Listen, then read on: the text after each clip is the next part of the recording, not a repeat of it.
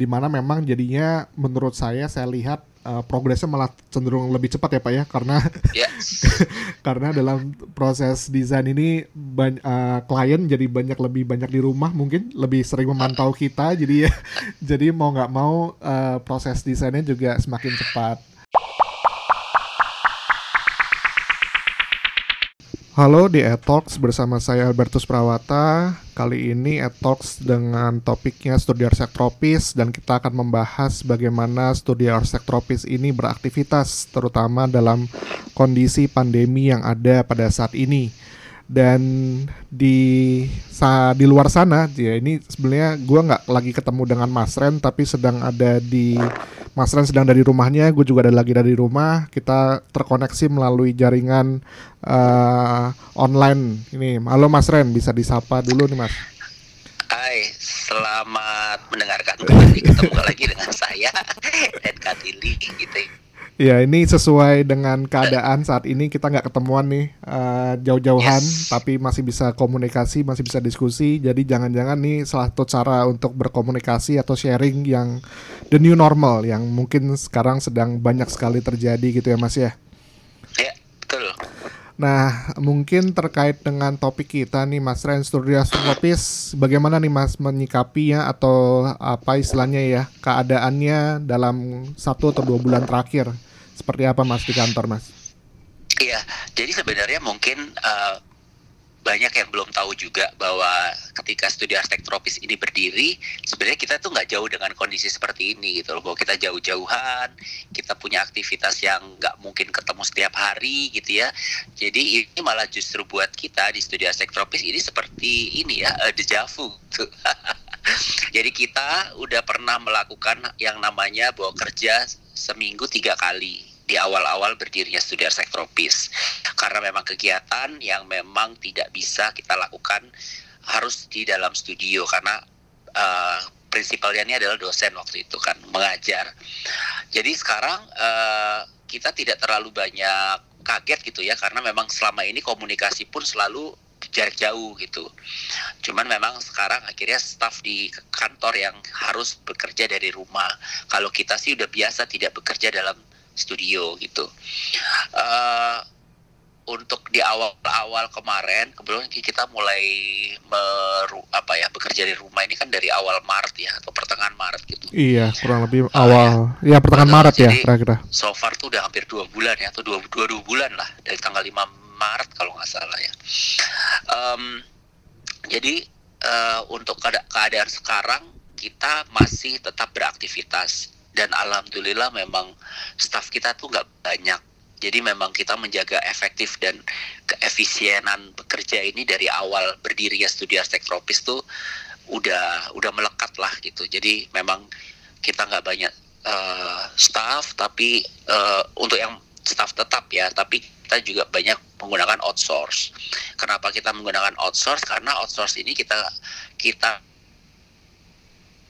tapi by project sehingga itu yang menguntungkan juga bahwa sekarang kita nggak terlalu pusing ya uh, bahwa kita harus menggaji apa staff yang banyak dan sebagainya. Jadi ini dari sisi positif yang kita jalanin dengan ada pandemik ini. Kegiatan masih normal. Beberapa project yang terutama konstruksi masih berjalan. Kita nggak pernah ada masalah dengan itu. Uh, jadi uh, karena kita memang desain saja ya. Jadi kontraktor yang uh, mengawasi dan pangan kita benar-benar jarak jauh tetap informasi segala yang ada di lapangan dilaporkan ke staf uh, arsitek kita dan dilaporkan ke kita. Kita masih komunikasi juga dengan owner, jadi uh, owner memberitahukan bahwa ya mereka kondisinya seperti ini gitu ya karena kita butuh tahu juga gitu kondisi lingkungan di sana. Ada satu dua proyek yang mungkin memang harus berhenti total karena memang dari pihak owner sendiri yang menginginkan untuk tidak dilanjutkan dulu di proses konstruksi ini. Justru yang menarik adalah sebenarnya kalau di studio arsitek itu, mungkin yang lain juga adalah proses desain ini kan uh, masih bisa berlanjut.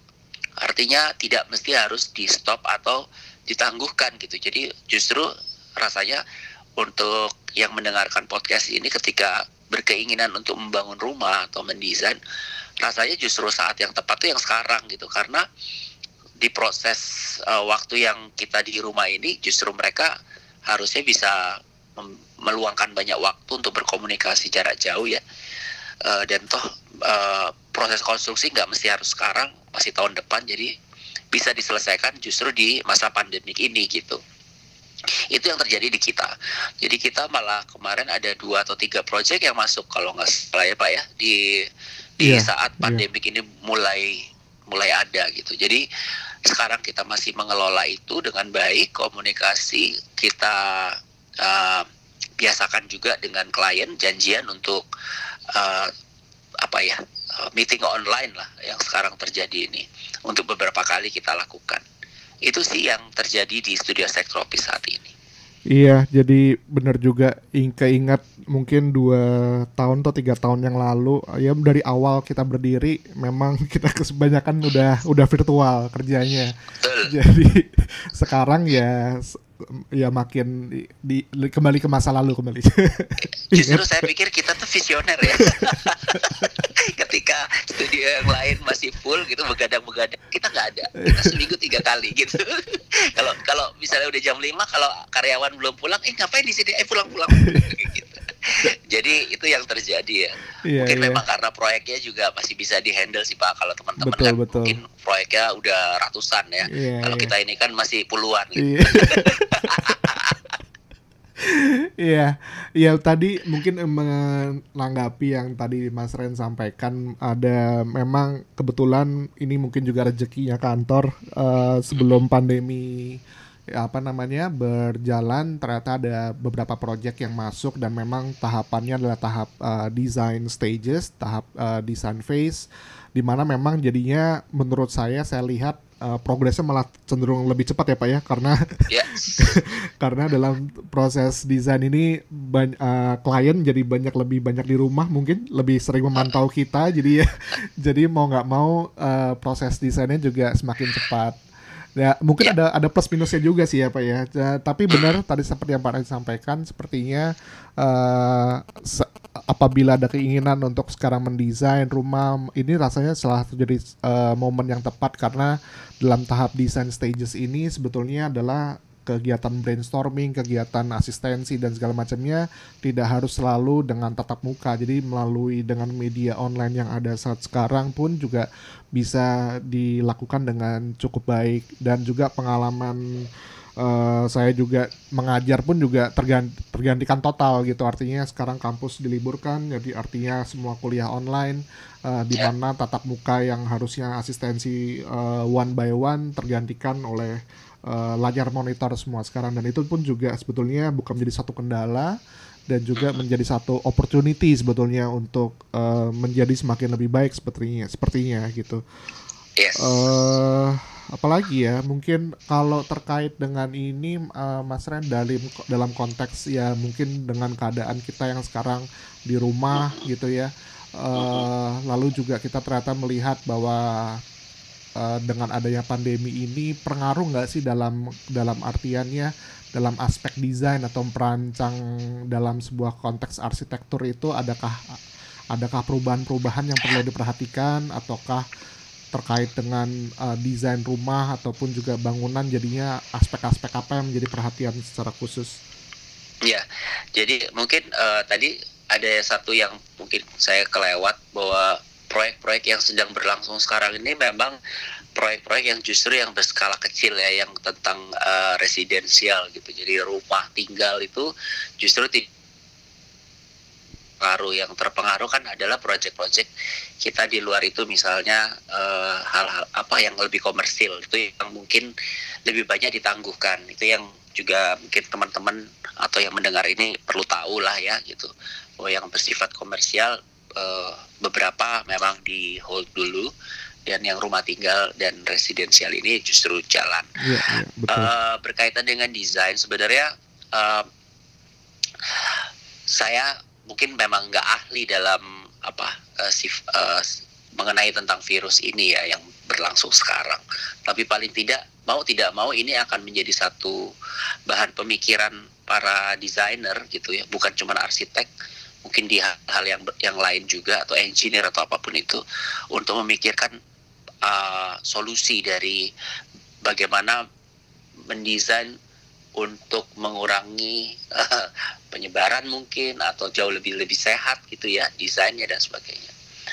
Uh, di studi tropis sendiri kan karena kita memang based on climate bahwa kita sudah memikirkan hal-hal yang yang rasanya paling basic dulu gitu. Dasar dasar pemikiran dalam mendesain. Yaitu bagaimana dia bisa adaptif terhadap lingkungan.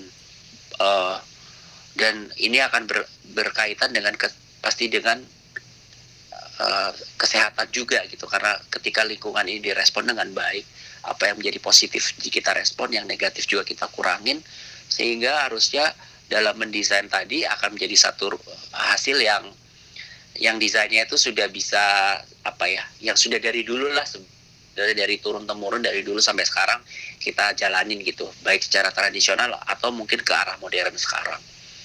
Jadi itu pak kalau saya lihat kan uh, virus ini gitu ya bahwa pandemik yang terjadi sekarang sedunia ini kan dia akibatkan oleh bagaimana dia menulari satu dengan lain. Yeah, yeah. nah bagaimana sebenarnya arsitektur itu justru uh, mungkin ya ke depan bahwa desain itu akan berjarak gitu.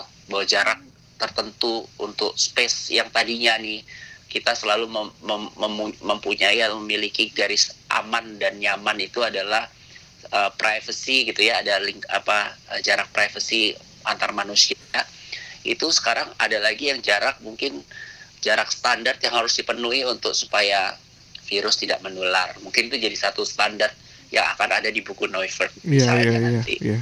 Kemudian ada juga yang bersifat dengan bahwa ternyata kalau kita lihat uh, virus ini, kalau menurut para dokter gitu ya, uh, dia dia tidak bisa hidup ketika uh, tempat hidupnya itu rusak, yaitu si droplet. Nah, droplet ini gampang mengering di suhu di atas 26. Oke. Okay.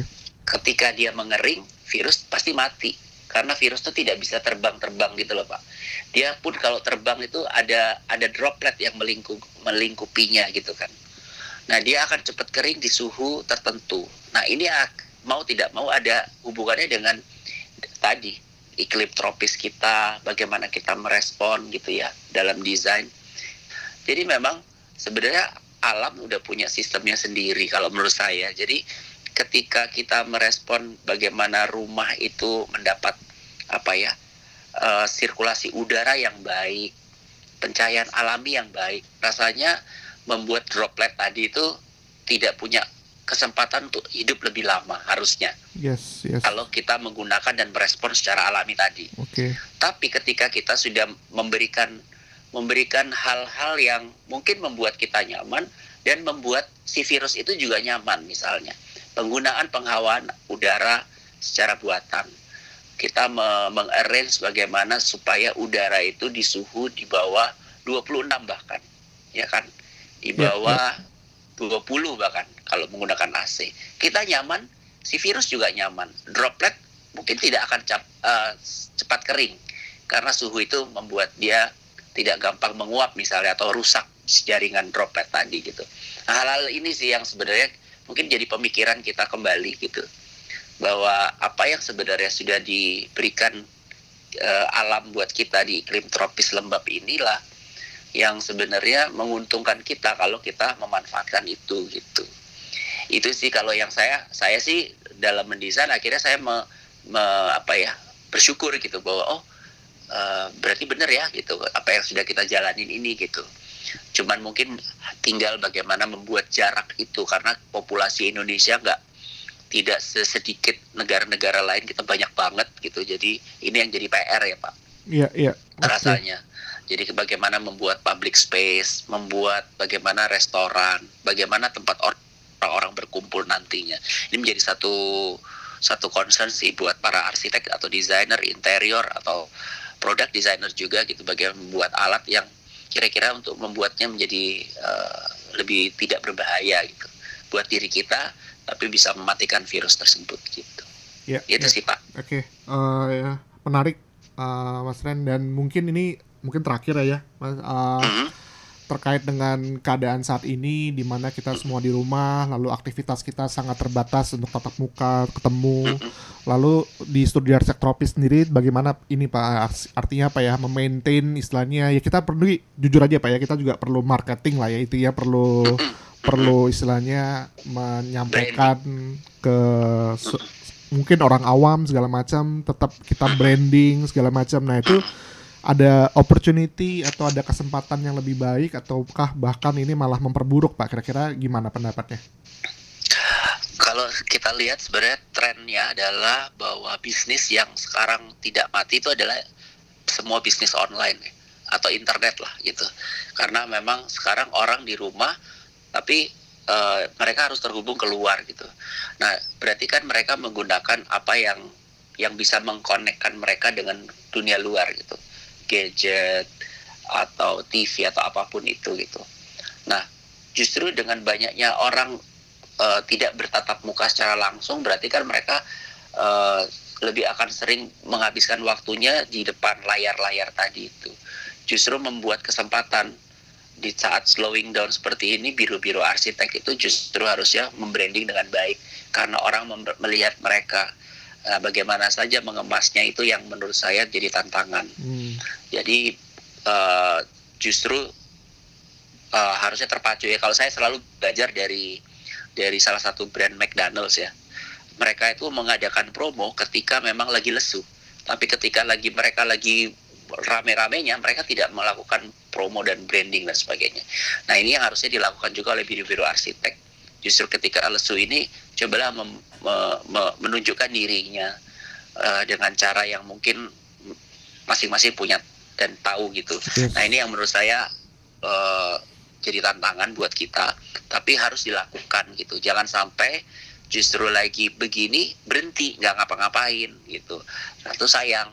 Jadi uh, supaya kita juga tetap aktif ya menurut saya habiskan waktu untuk jauh lebih bermanfaat buat ya buat kita juga, buat kantor dan yang pasti buat orang-orang banyak gitu sih Pak. Iya iya iya iya menarik sih benar juga sih jadi memang ada salah satu tantangan tapi juga jadi satu kesempatan buat kita semua untuk bisa lebih baik juga sih sebetulnya ya.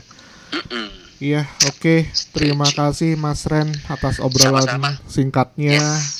Uh, nanti kita ketemu lagi dan mungkin kita okay. bisa bahas uh, lain topik lainnya. Terima kasih sudah uh, mendengarkan dan kita jumpa lagi di topik pembahasan berikutnya untuk e-talks uh, bersama Studio Tropis. Terima kasih Mas Ren.